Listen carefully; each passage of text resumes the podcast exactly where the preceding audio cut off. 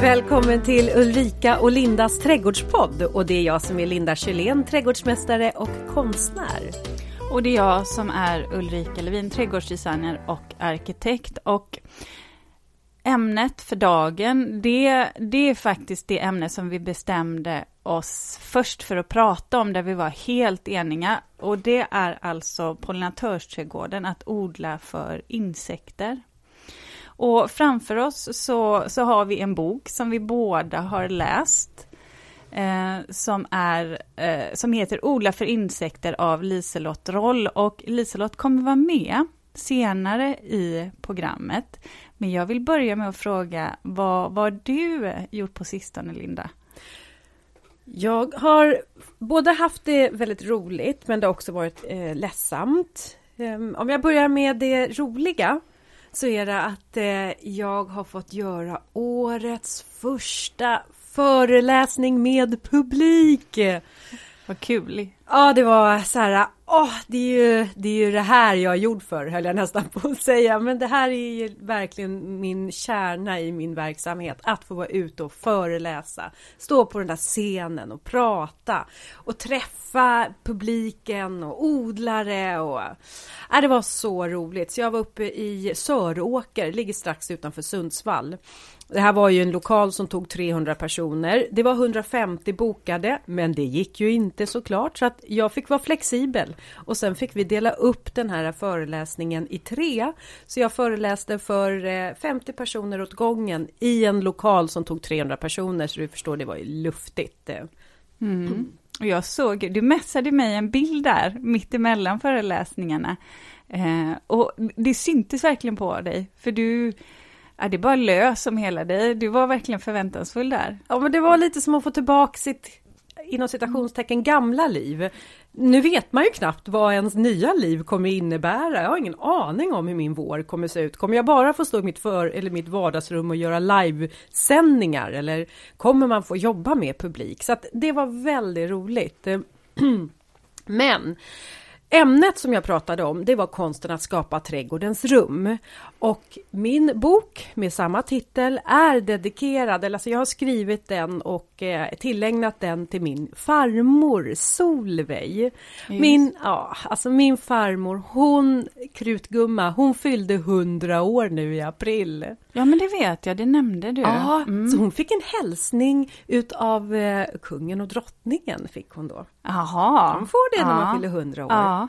Så att min farmor Solveig, och den här boken är ju tillägnad henne så att när jag står där precis ska gå upp och, och, föreläsa för att då börjar jag föreläsningen med att läsa inledningen i min bok där jag beskriver min första sinnliga möte med ett trädgårdsrum som jag hade i min farmors trädgård i hennes syrenberså. För det var där hon bjöd mig, min bror och min farfar på eftermiddagskaffet och hallonsaft och citronsockerkaka och vi satt i det här magiska rummet med den höga syrenhäcken, den täta lövverket och det var som en hemlig plats som stängde ut hela världen utanför. Och jag minns att det var så glatt och lyckligt och, och få sitta där med farmor. Och, och det är den känslan som jag också vill ha med mig när jag skapar min trädgård. Min trädgård ska vara som min farmors syrenbärså. Med hallonsaft och citronsockerkaka. Den där tryggheten. Mm.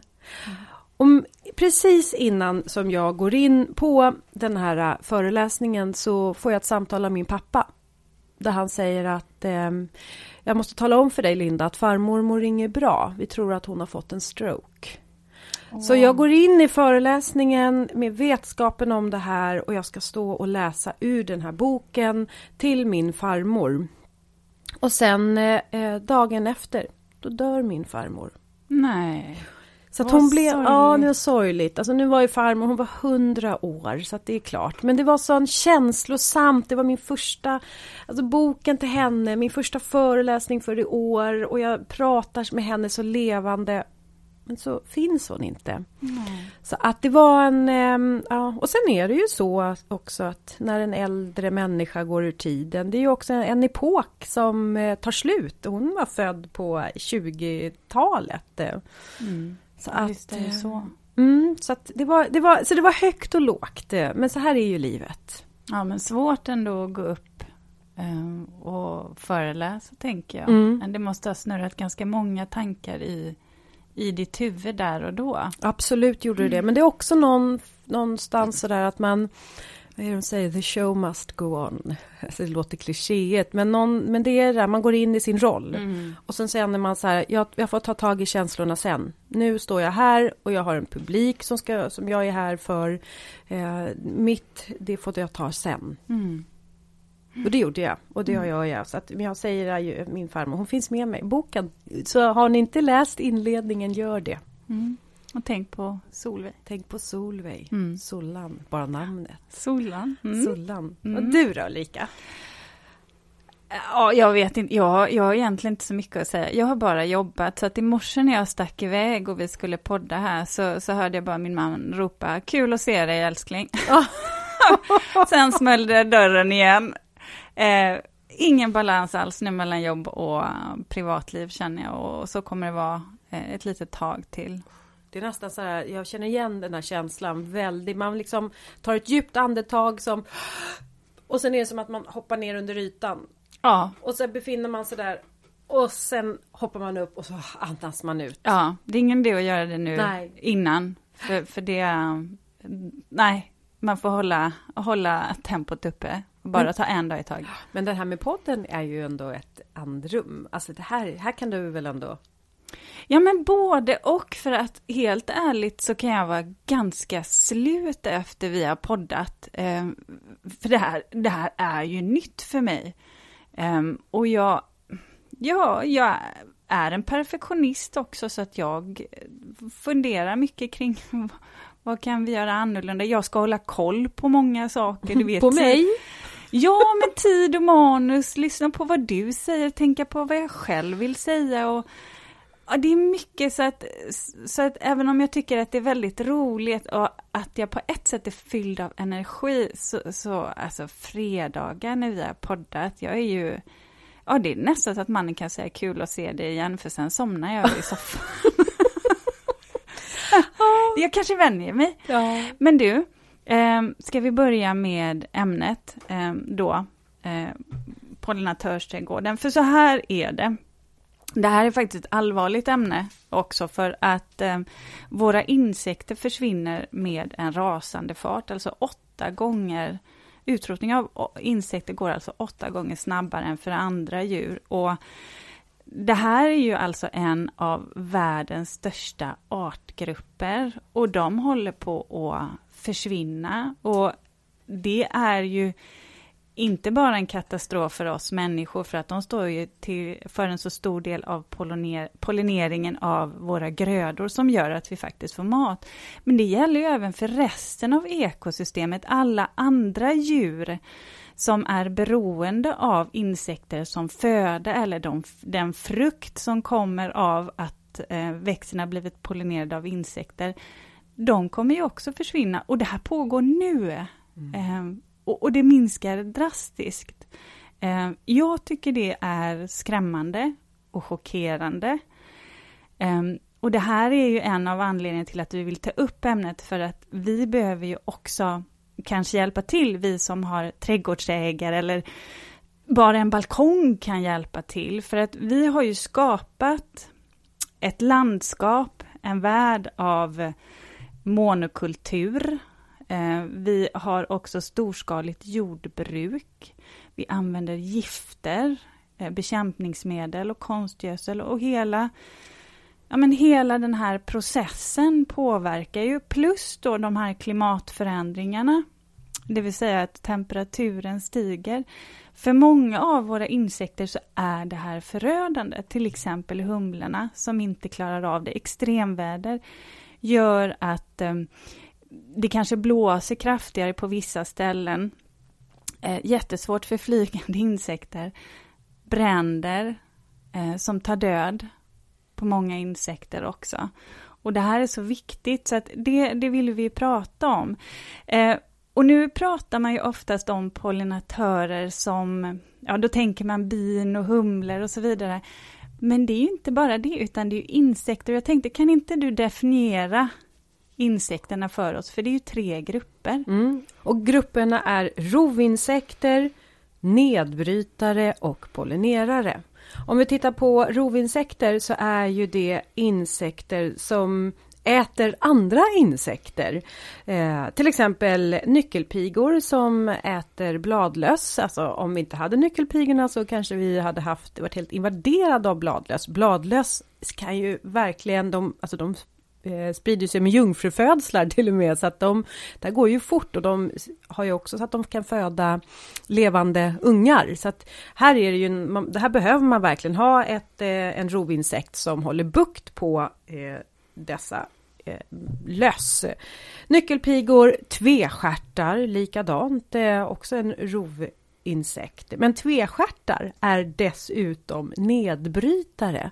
Så att eh, ne, eh, tvestjärtarna ska göra hemma, tycker jag, på komposten bland annat. Eh, eh, men det finns också gråsuggor är också nedbrytare och de här är ju väldigt viktiga för att det är de som också tar hand om träd som har fallit till marken och, och eh, stubbar som håller på att förmultnar. Och det är de som ser till också att vi får eh, eh jord och att vi, ja, förmultningsprocessen helt enkelt. Eh, och efter att eh, nedbrytarna har varit på plats, det är de som inleder nedbrytningen kan man säga och därefter så kommer ju då både svampar och bakterier.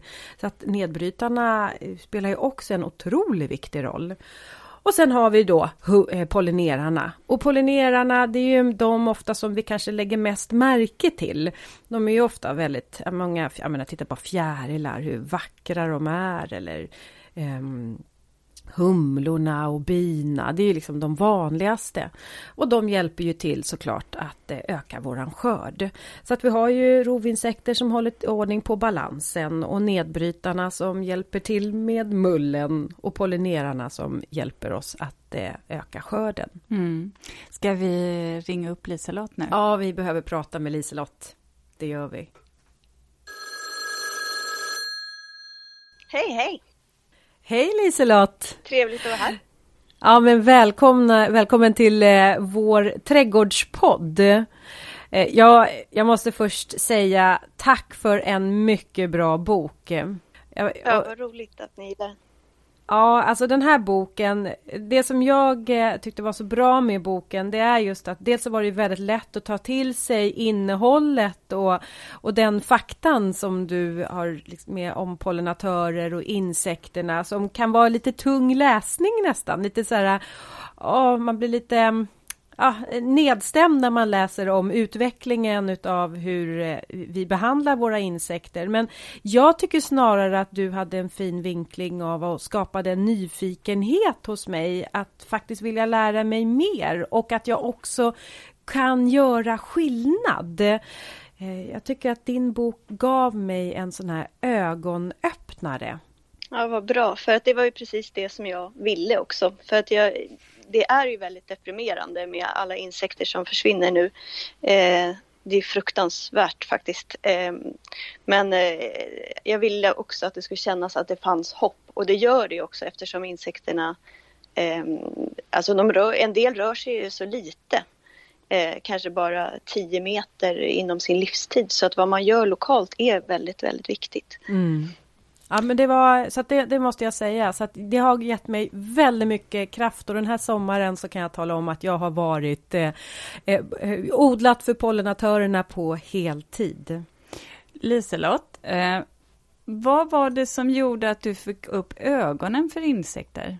Eh, det var ju flera saker sammantaget kan man säga, men jag, jag är ganska så stor eh, chiliodlare. Mm. Eh, och, för no och, för några år sedan så hade jag hade mina chili utomhus så märkte jag att de blev inte pollinerade helt enkelt så att jag var tvungen att flytta dem nära eh, sådana blommor som det är mycket pollinatörer på. Eh, och, och, då fick jag liksom en rekordskörd och då kände jag så att, att eh, liksom, jag vet inte, jag, det öppnade mina ögon på något vis och då började jag tänka på allt det här man har hört med att eh, insekterna dör ut, att de kommer att dö ut inom hundra år om ingenting görs. Eh, och eh, ja, det var, det var väl där det började och så lite, lite ilska över helt enkelt hur, eh, ja, hur illa det har gått eh, miljömässigt. Mm. Så, eh, så det bör, började ilska. Och sen började jag tänka på andra saker som att när man var liten till exempel att man när man cyklade då fick man ju alltid in en massa insekter i munnen och ögonen och sådär. Eh, men det får inte, inte jag längre i alla fall när jag cyklar där jag bor. Eh, för de är borta. Mm. Något som eh, jag också verkligen tog till mig, det var det här med eh, monokultur. Och det var speciellt en text här som, i boken där du skrev om Miami och mygg och hur man eh, har, hur de har lyckats och eh, ställa den här eh, balansen helt i urfas. Kan inte du berätta om det? Jo precis, det var ju så att eh, Miami hade väldigt mycket myggor eh, ett år och då bestämde de sig för att eh, eh, spruta gift då för att ta död på de här myggorna. Men i samma veva så tog de ju också död på andra insekter, till exempel rovinsekterna som äter mygglarver och mygg. Eh, och när det gäller skadedjur så är de ganska bra på att föröka sig, speciellt i, i monokulturer där de har eh, det som de gillar. Eh, så att myggorna de återhämtar sig ganska fort. Men de här rovinsekterna de var utslagna eh, och tog mycket längre tid på sig. Eh, och det gjorde ju att myggorna fick liksom fritt spelrum och bara blev fler och fler och så fick de spruta mer och mer och liksom hela balansen var förstörd. Det blev bara värre och värre helt enkelt. Och det är väl, eh. det är väl ganska typiskt för oss människor att vi någonstans bara hitta på eh, andra tekniska eller kemiska lösningar istället för att se att eh, bevara det som har funkat under miljontals år.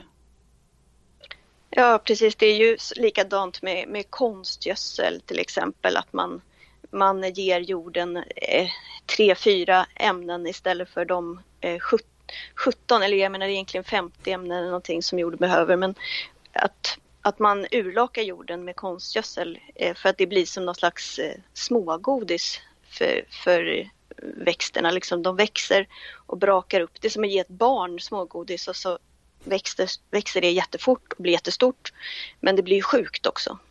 Mm. Lite så ja, jag kanske mm. flummar till det lite där men... Men, Nej, men jag, jag förstår vad du menar, det är ju också en konstgjord andning. För att när du väl eh, slutar och ger det här eh, godiset så tappar ju också växterna energin på en gång. Det ska ju egentligen vara så mm. att man bara egentligen tillför den här naturgödslet som får igång mikroorganismerna som i sin tur så har man det här kretsloppet igång. Så att eh, det är ju, och, men då måste man ju göra saker och jag skulle vilja säga att jag tror att vi människor överlag, vi vill ha så snabba effekter. Det ska ge resultat omedelbart, men det, när det handlar om med både djur och natur så då får det, livet har sin gång. Det får ta sin tid. Eh, men ja. då, tänkte, då tänkte jag faktiskt att vi ska komma in på hur man som, som privatperson, vare sig man har en eh, trädgård eller en balkong eller i och för sig till och med bara en terrass där. Alltså på vilket sätt vi kan bidra med att göra en mer gästvänlig plats för våra insekter. Um, och då skulle jag uh, vilja börja med att uh, du berättar Liselott vilka Ja, men vilka... Hur skapar man en trädgård som uppskattas av insekter?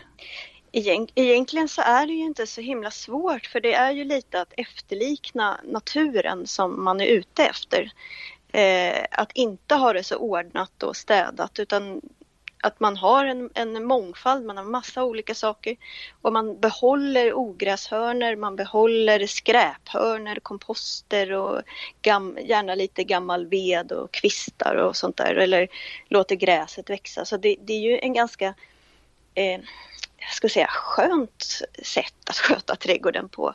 Eh, men som också resulterar i att man får en massa hjälp av insekterna. Man får de här rovinsekterna som håller reda på skadedjuren. Och, ja, det blir liksom, ja, till sist så sköter sig det mesta självt tycker jag, när man har, har liksom fått upp den där mångfalden Ja, för det handlar ju inte bara om, om eh, blommor och nektar och pollenrika blommor, utan det handlar ju om också att man ska ha, skapa både boplatser, men också att de har mat när de befinner sig i sina olika stadium. Jag menar larvstadium eller eh, som du sa också de här insekterna som eh, eh, snarare är nedbrytare. Jag menar, det är inte bara pollinatörer. Det är som att vi, när vi pratar pollinatörsträdgård så är det bara fokus pollinatörer. Men jag skulle nog vilja säga att det handlar också om en mångfald av olika insekter. Ja, väldigt mycket och rovinsekterna är ju så otroligt viktiga och de blir ofta lite bortglömda. Folk tycker liksom inte att det är så trevligt kanske med skalbaggar och eh, ja, så här rovinsekter. Liksom. Men det, det är ju eh, jättepraktiskt att ha dem i trädgården. Eh, och de, de gillar ju ofta lite så här skräpiga blommor som hundkex och röllika och sånt där. Men, men de kan gilla fina blommor också. Ringblommor är jättebra för de flesta eh, insekter. Mm. Hur skapar man... Hur ska, men, ja, förlåt. Eh, nej, jag skulle säga att om man, om, man, om man ska tänka på blommor för insekter så kan man ju tänka på också att man ska ha, förutom olika färger och former, så att man har grunda och djupa blommor. Så att eftersom insekterna har olika sorters mundelar, en del har ju väldigt små mun, munnar medan andra har liksom långa snablar. Så att man, man, att man kan ha lite, ja, en uppsjö liksom men, men, du Liselott, det här med färger tycker jag är så spännande, för det är ju så att vissa av våra pollinatörer eh, gillar ju vissa färger. Eh, till mm. exempel mm. bin, ska vi dra dem? Ja, vi kan ta några i alla fall. Eh, vi kan ta flugor till exempel, de gillar ju vitt, blått och lila. Eh, och så tänker man så här, flugor, varför ska man ha flugor? Det är väl bara äckligt. Men det är det ju inte för att de är ju faktiskt också pollinatörer. Och även om de inte är så effektiva som bin och humlor och sådär så är de många. De är oerhört många.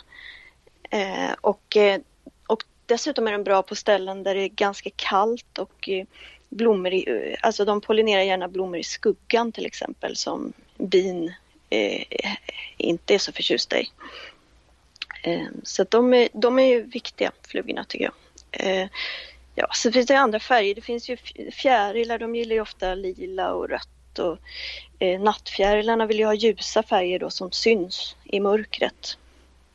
Ehm, och nektarrika blommor då, för de är inte så intresserade av pollen till exempel. Nej, för där är ju en skillnad mellan pollen och nektar. Ska du förklara eh, för det och kanske nämna vilka vilka insekter som gillar vad? Ja, alla, det kan man väl säga, skalbaggar gillar ju pollen. Eh, och pollen är ju proteinrikt. Eh, men medan fjärilar gillar, de är ju bara intresserade av nektar och det är ju det är liksom energi. Det är som att dricka saft ungefär. Så att man har väl lite, de har lite olika där och det är ju humle vill ju ha pollen också. det är det de samlar på sina ben i stora klumpar bland annat. Men, men visste, ni att, äh, visste ni att humlor när de är små, alltså ny, nyfödda om vi kallar dem så, de är faktiskt vita då? Så här vita, ulliga små insekter. Ja, och det är gulligt också att eh, humlorna faktiskt ruvar sina ägg i några dagar. Mm. Precis som fåglar gör. Det är otroligt ja. faktiskt. Mm. De, jag, jag gillar, jag är lite svag för hum, humlor. Ja, humlor är väl också de mest noggrannaste av alla pollinatörer, är de inte det? De som tar go, gott om tid på sig och verkligen liksom går runt i blomman och ser till så att alla, eh, att den verkligen har samlat all pollen Ja, det är väldigt roligt när man, när man ser det på foto hur de liksom riktigt snurrar runt hela, hela blomman.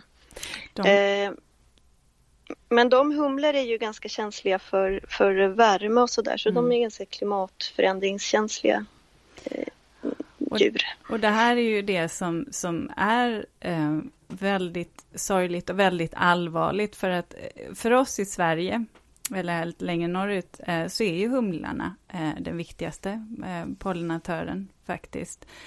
Och prognosen är ju att eh, humlorna, att man räknar med att humlorna i Sydeuropa kommer försvinna helt, alltså ända så långt upp som i Mellaneuropa i Tyskland. Och det är inte någonting som man räknar med att det ska ske någon gång i framtiden, utan det, det pågår faktiskt här och nu.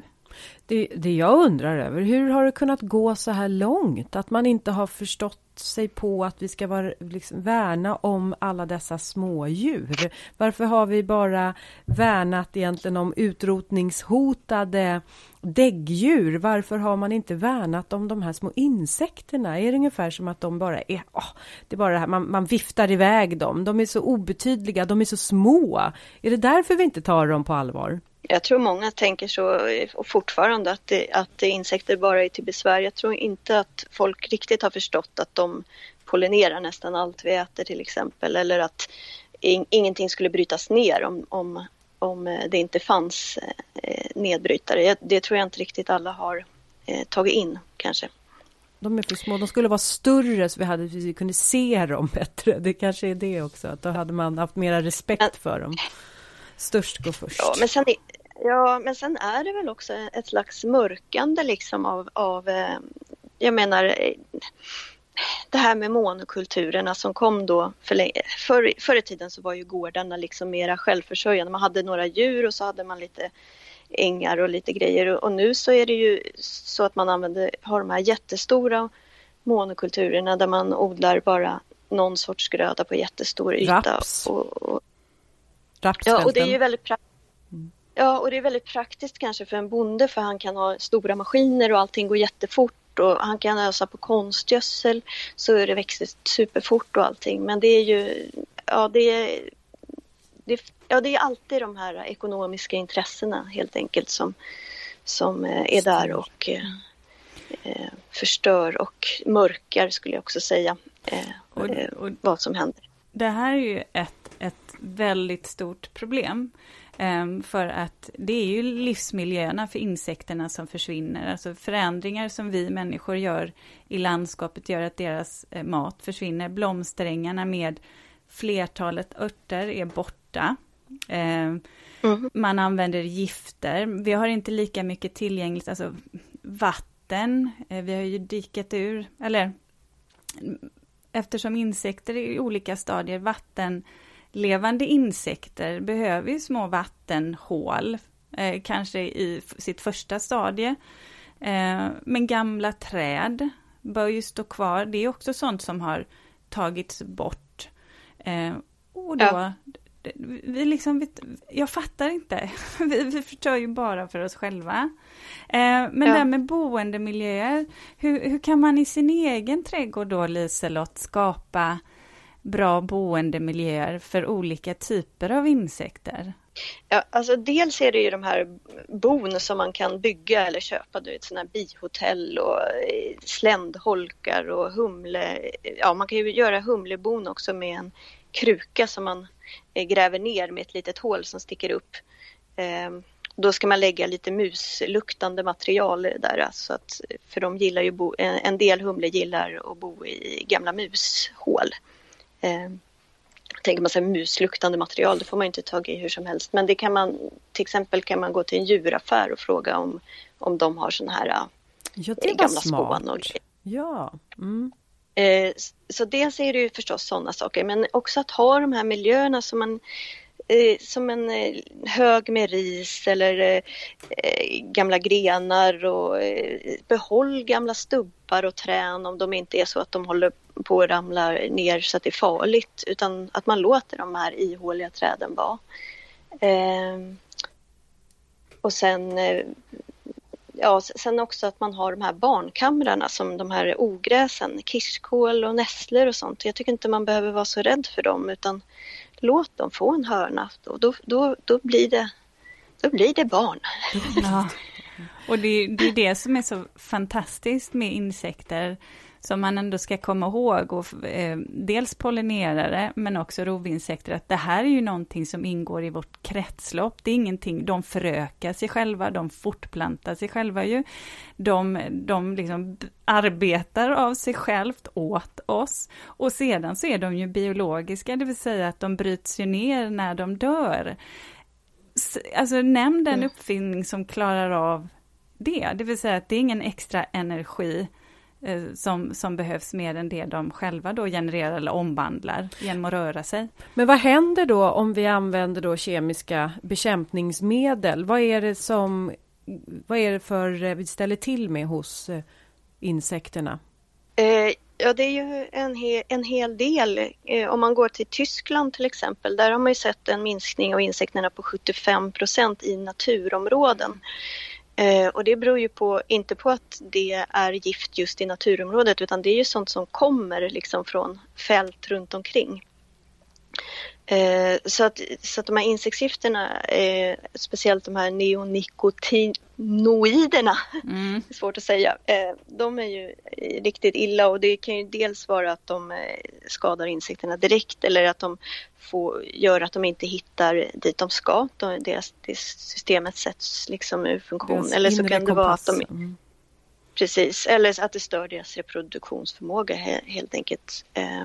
Så det kan vara alla möjliga effekter på dem men man kan säga att det är inte bara liksom, det börjar ju redan nere i jorden liksom med mikrolivet och, och allt det här så att det, det, det störs ju också av de här gifterna. Det är inte bara insekterna. Och när insekterna, alltså det är fåglar, alltså det är allting. Det, det, det stannar inte liksom vid insekterna kan man säga. Och det kommer till oss också för övrigt. Mm. Någonting som man kan göra för att hjälpa eh, våra insekter, det är ju faktiskt eh, eh, att ha en lång blomningssäsong. För det är ju också någonting mm. som är skapat av monokulturer, att man oftast har en ganska kort odlingssäsong när man bara har enstaka blommor. Så att jag tänkte att vi faktiskt skulle börja med att prata lite om växter tidigt på säsongen, när de här tidigaste, tidigaste insekterna kryper ur. Vad ska man ha då? Eh, ja, sälj och lökar är ju en bra början tycker mm. jag. Sälj. Eh, olika sorter. Ja, krokus och eh. pärlhyacinter, narcisser också. Ja. Ja, eh, det finns ju vissa som, som tulpaner kanske inte är lika bra som alla andra men de är ju inte dåliga liksom utan det beror lite på. Man ska helst ha gammeldags sorter av blommor överlag för för insekter, alltså inte så förädlade blommor. Just för att eh, de äldre sorterna brukar ha mer pollen och brukar vara lättare att ta sig in i och sådär. Och sen kommer ju de andra eh, växterna. Vi har ju tidigblommande buskar som rhododendron, körsbär, kommer ju måbär har ju jättemycket som är bra. Både mm. nektar och pollen faktiskt. Mm. Och bland sommarblommorna så har vi ju alla dessa gröngödslingsväxter också. Honungsfacelian och gurkurten.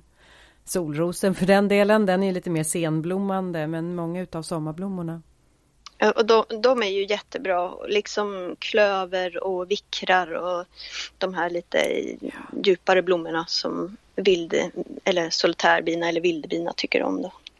Och det finns ju, nu låter det ju, jag, jag tänker så här att nu låter det som att alla måste ha en vild trädgård och det påstår faktiskt inte jag att man behöver ha. Eh, om man nu är väldigt, ja, väldigt ordningsam och kanske vill ha en städad trädgård.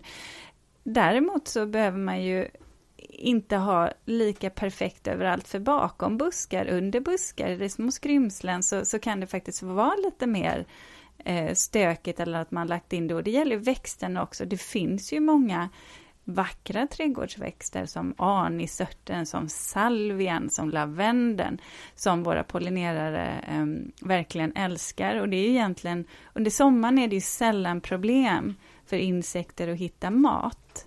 Utan det är ju början där och sen även en bit in på sensommaren. För att de går väl, de går ju och lägger sig, höll jag på att säga, i olika tid, eller hur Liselott? Ja, de lägger sig lite, ja en del börjar ju lägga sig nästan i slutet av augusti medan andra, andra håller ut eh, mycket, mycket längre eh, och kanske går och lägger sig ja, nu och några veckor framåt. Eh, Mitten av oktober? Det, där, ja. ja. så man kan ju ha några sådana här senblommande astrar och eh, Kärleksört och ljung, ja. tänker jag. Ja, det är jätte, jättebra att ha. Mm. Eh, jag har nu Linnetagetes i en kruka ja. här ute. Den är de helt ga galna ja.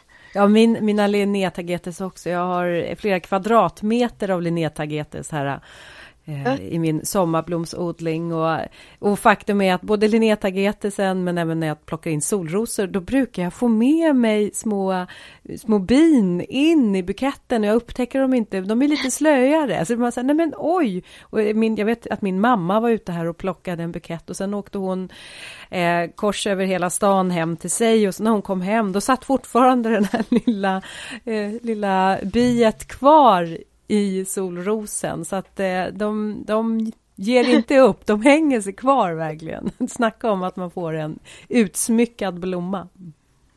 Ja, men de är fantastiska de blommorna, de blir så stora också. Hur är det med sterila blommor? Har du något att säga om det? Hur är det med dem? Ger de, ja. eh, ger de mat till pollinatörerna eller Eh, nej, och det är ju då ofta såna här framavlade blommor som alltså inte eh, har någon, liksom, någon vidare eh, att ge. Eh, och en del är också dubbla som är framavlade och då har de ju väldigt svårt att komma in i dem.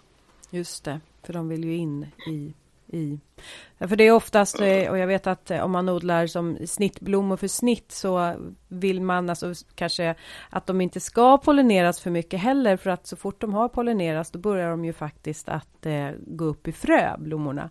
Så att, eh, och det är också en anledning till att vissa utav de här lite mer ädlare sorterna som man odlar just för att bara använda för snittblommor kan det bli att man har då sterila. Men där är det ju väldigt viktigt att man blandar upp med en mångfald utav då nektar och pollenrika växter så man inte bara lurar pollinatorerna till sin trädgård. Mm. Ja, det var bra, bra sagt. Ja. ja, det tycker jag också. Mm. Eh, det finns ju också saker som man kanske ska tänka på i trädgården som inte är bra. Eh, och en sak som, som jag tänker på eftersom jag eh, delvis jobbar med ljussättning eh, också i trädgårdarna. Det är ju faktiskt ja.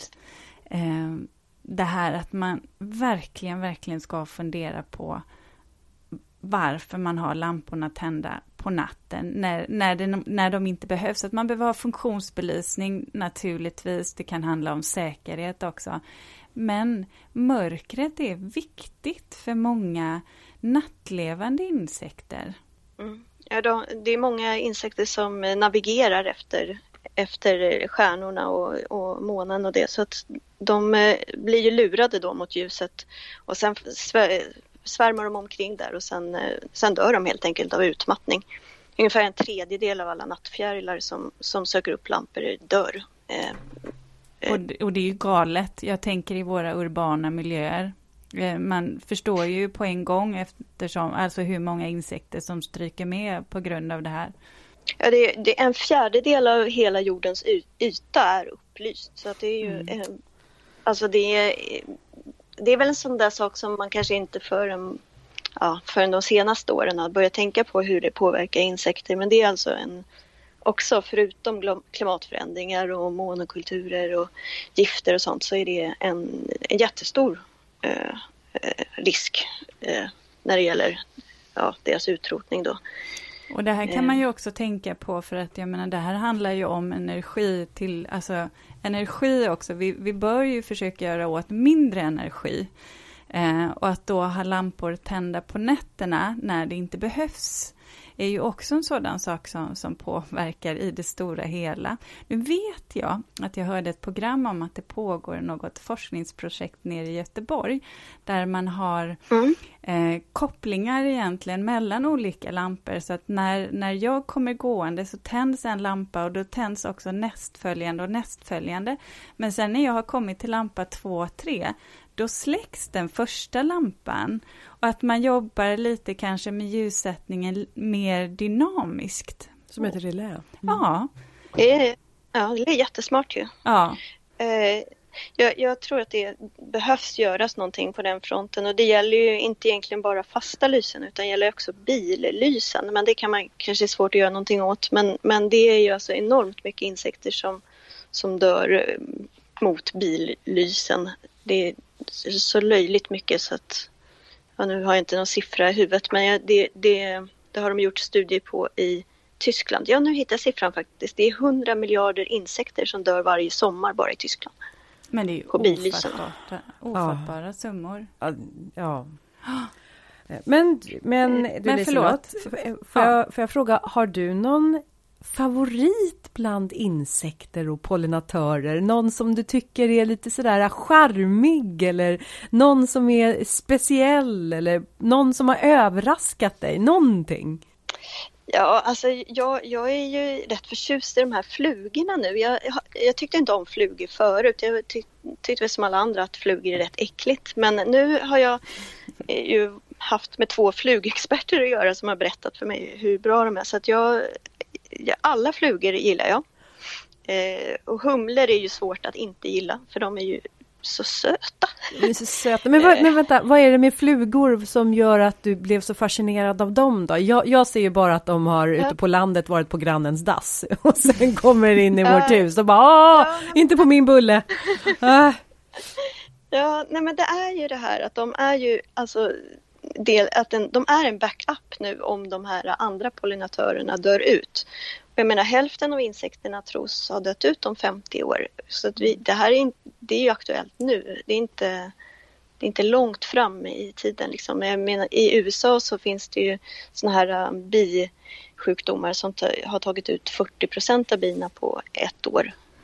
Eh, så att jag tycker att det, det, är väldigt intressant det där med om, om man skulle kunna ja, odla upp dem eller jag använder dem på något sätt så att, så att de fungerar som pollinatörer. Och sen så har ju det, eh, larverna också är väldigt bra på att ta bladlöss och sånt där. En, en enda sån här liten eh, kan ju äta mellan 150 och 500 bladlöss innan den blir puppa. Mm. Så att de har ju, ja de är, de är ganska spännande tycker jag. Mm. Men du Liselott, när, när vi var inne här på bilar och så, så började jag eh, tänka på avstånd. För det här nämner ju du också mm. i, i, boken, för det tycker jag är intressant att veta varför det är viktigt att ha växter nära, precis som du berättade om dina chilis. Vill du berätta mer om det? Ja, just det. det det är ju så att en del insekter de, de rör sig ju väldigt kort under hela levnadstiden, kanske bara 10 meter. Och då, då gör det ju väldigt stor skillnad vad som finns på de 10 metrarna förstås. Eh, sen finns det ju andra som humlor, som, en del humlor kan liksom flyga två kilometer men då behöver de ju ändå små eh, vad ska man säga, vattenhål eller de behöver små pausställen. Så att allt man gör blir viktigt. Och vi har, jag tror att det är över två miljoner trädgårdar eller någonting sånt i Sverige. Så att det är en enorm yta som finns tillgänglig att göra de här eh, små eh, oaserna kan man säga. Jag läste, jag, vet, jag tror att det var i din bok jag läste om också det här att man kan dra parallellen mellan de här monokultur, när rapsfälten då har blommat över så kommer pollinatörerna, dels så vet de att där finns det mat och så finns det ingen mat där så måste de då flyga över, det här är ju mm. som stora bara ökenlandskap för de här insekterna och jag bara kände så här, det är ju hemskt, stackarna liksom. Vad vi, usch vad vi lurar ja. dem. Jo men så tänker jag också, alltså, vi, de är ju inte så himla stora, så tänk på det här med vind. Eh, ja, humlor klarar ju det lite bättre, men, men bin och fjärilar, det är inte så himla enkelt att flyga så långt heller alla gånger. Hur långt flyger ett bi? Jag tänker på om man har nu en eh, en äppelträdgård och ska man plantera flera äppelträd så att de kan liksom pollinera varandra. Men hur långt flyger bin? Ja, det är nog lite olika beroende på sorter där, men de, de, de vill ju inte flyga så långt. Det, är ju, det får man ju också tänka på att de, de vill ju inte liksom anstränga sig i onödan och ta bort en massa energi. Det är lite som eh. vi människor. Faktiskt, så funkar ju vår hjärna också. Vi, mm. vi är ju ändå byggda för att spara energi. Men vad pratar man i, två kilometer eller? Är det... Nej, det är nog humlor det. Så ja. Jag kan kolla upp den exakta siffran men jag tror att det är väl i alla fall så att de, de flesta bara vill och flyga eh, alltså 500-700 meter från boet. Ja. Eh, och, och inom en radie från kupan så är det väl kanske 1200 meter. Mm. Mm. Men du Liselott, eh, innan vi går över till veckans eh, spaning, eh, reflektion där. Har du någonting mer eh, som du vill nämna? För jag vet att Linda har en sak sen som hon vill komma in med som handlar om övervintring av insekter. Men är det någonting eh, som du eh, ja, men man kanske kan säga det att, att, som du nämnde där tidigare att de inte gillar vind, många flygande insekter. Eh, och de flygande insekterna är de som har drabbats hårdast nu då. Eh, att man lägger de här rabatten eller, eller odlingen med mångfald, att man har den i, i, i lä helt enkelt. Och gärna i, i söderläge. Och kanske struntar kanske i lövblåsen? Struntar i, i lövblåsor och, eh, och likadant är det ju med de här eh, egentligen mikroliv och det går ihop lite grann att man inte håller på och gräver så mycket i onödan helt enkelt. Mm. Låt, låt det vara lite grann, liksom täckodla gärna. Då kommer jag till min fråga. Jag har nu i år ett stort pollinatörshotell och här har jag ju många gäster som har flyttat in. Men hur, vad händer nu på hösten och nu när vi går in i vintern? Är det något speciellt jag ska göra med mitt pollinatörshotell? Bor de kvar i det? Övervintrar de i pollinatörshotellet? Ska jag låta det stå kvar ute? Eh, ja, vad har du att säga om det? Hur gör jag? Eh, ja, men det kan du låta stå kvar ute, det där sköter de själva. En del, en del övervintrar ju eh, i sådana bon, men en del är ju bara där för att lägga ägg, så det kan vara lite olika. Men det, det är bara att låta det stå.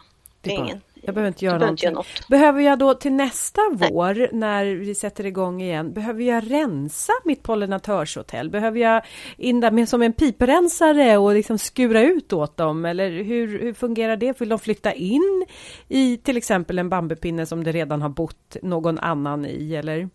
Eh, det, det, tror jag inte är något problem för dem att göra själva men om det ser helt tillproppat ut så kan du ju ta ut dem. Men of, eh, ofta är det ju så faktiskt att när det är tillproppat då är det någon där inne så att då ska man nog inte sticka in en pinne. Nej, då knackar vi på först. Eh, ja.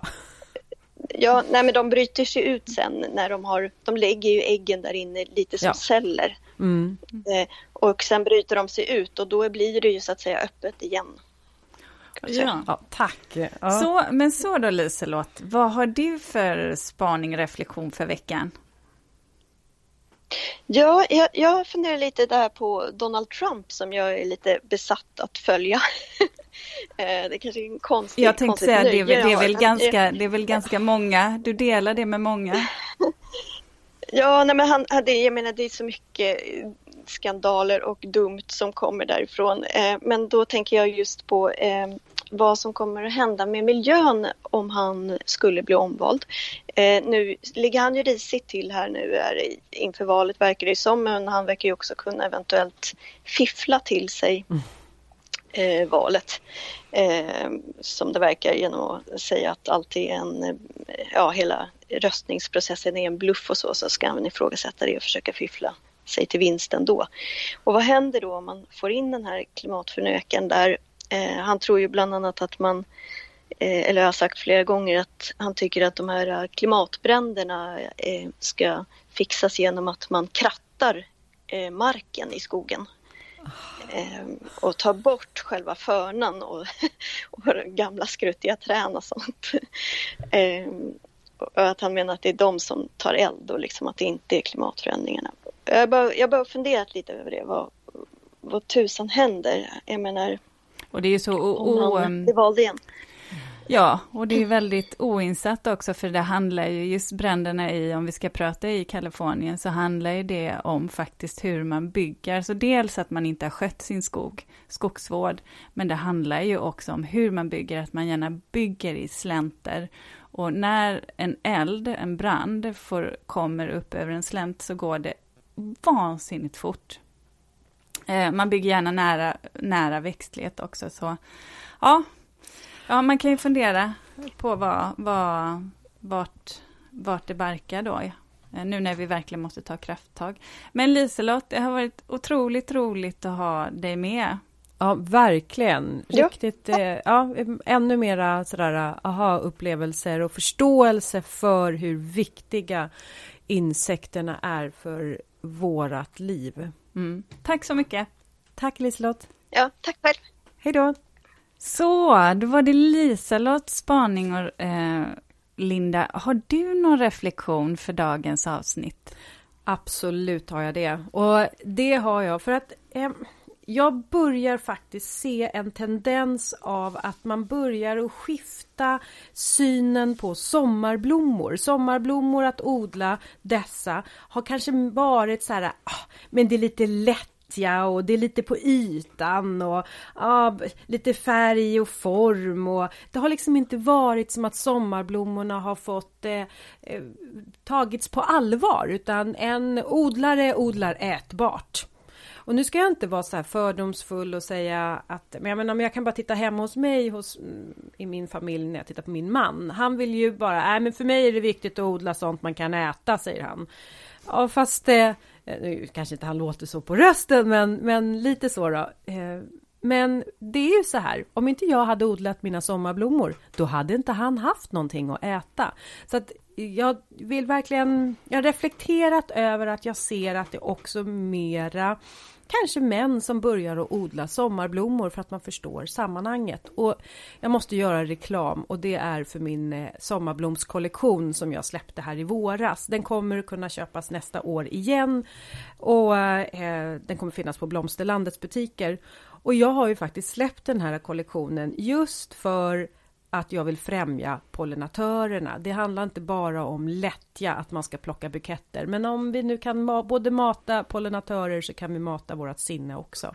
Så eh, det är min reflektion att jag tror att sommarblommorna börjar få revansch eh, som nyttiga växter. Bra. Bra. Mm. Ja, och du har också reflektioner Ulrika? Ja. Så här, eh, när jag var liten, jag var barn, Eh, så brukade jag följa med min mormor eh, hem till hennes bror och hans fru, Balsar och Märta. Och de hade, de hade en gård, alltså en liten gård med ett eh, småskaligt jordbruk. Och där brukade vi få eh, vi brukade åka dit bland annat när det var dags att ta ut honungen ur bikuporna.